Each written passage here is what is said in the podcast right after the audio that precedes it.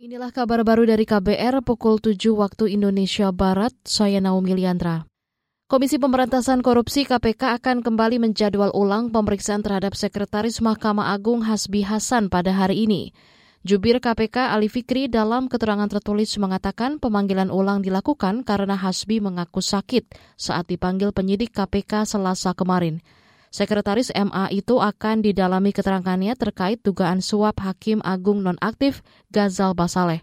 Sebelumnya dalam dakwaan jaksa KPK terhadap dua advokat yakni Theodorus Yosip Parera dan Eko Suparno terungkap nama Sekretaris MA. Hasbi Hasan turut berperan membantu pengurusan perkara di MA. Ali memastikan penyidik akan mendalami fakta-fakta di persidangan. Namun KPK masih berupaya mengumpulkan kecukupan alat bukti untuk menetapkan tersangka baru. Perkara ini telah menjerat dua hakim agung yang diduga berperan sebagai makelar kasus, yakni Sudrajat Dimyati dan Gazal Basaleh. KPK menduga ada uang suap setara 2 miliar rupiah untuk mengurus perkara pidana dan perdata kasus koperasi simpan pinjam atau KSP Intidana. Saudara Kementerian Kesehatan mencatat prevalensi penyakit ginjal kronis di 12 provinsi berada di atas rata-rata nasional. Direktur Pencegahan dan Pengendalian Penyakit Tidak Menular Eva Susanti mengatakan prevalensi penyakit ginjal kronis paling tinggi di Provinsi Kalimantan Utara yang mencapai 6,4 per mil, sedangkan prevalensi nasional berada di angka 3,8 per mil.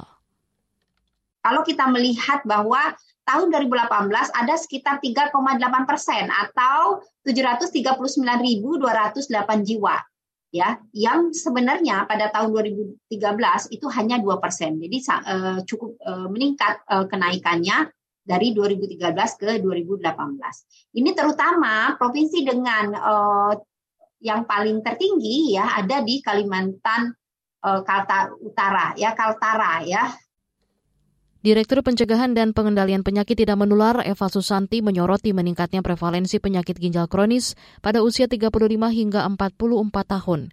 Kata dia kondisi ini harus diwaspadai karena menyerang kelompok usia produktif. Badan Kependudukan dan Keluarga Berencana Nasional atau BKKBN melaporkan angka kelahiran remaja ASFR per provinsi di Kalimantan Tengah tertinggi, mencapai 63,13 persen di tahun 2020.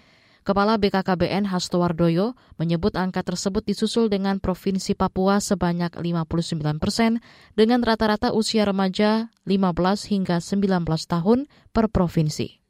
Inilah yang masih membutuhkan rungan agar kawin jangan terlalu muda. BKKBN kampanye jangan terlalu, terlalu muda tidak boleh kurang dari 20 tahun, terlalu tua tidak boleh lebih dari 35 tahun, terlalu sering tidak boleh. Maksudnya sering hamil, bukan sering kawin. Sering, sering hamil, humal hamil, humal hamil, jaraknya kurang dari tiga tahun tidak boleh, terlalu banyak juga tidak boleh. Kepala BKKBN Hasto Wardoyo mengatakan angka kelahiran remaja di Kalimantan Tengah dan Papua mengalami kesenjangan dibanding provinsi lain seperti DKI Jakarta 7,90 persen hingga Yogyakarta 11,54 persen. Menurut Hasto, nikah pada usia muda memang sangat mempengaruhi meningkatnya angka kelahiran remaja. Namun lain halnya pada Provinsi Jambi yang angka nikah mudanya cukup tinggi setiap 1.050 orang, tapi justru angka kelahiran remajanya masih pada angka yang tidak terlalu tinggi. Angka kelahiran secara umum per provinsi tertinggi diduduki oleh Nusa Tenggara Timur NTT sebanyak 2,79 persen, disusul Papua 2,76 persen. Demikian kabar baru, saya Naomi Liandra undur diri.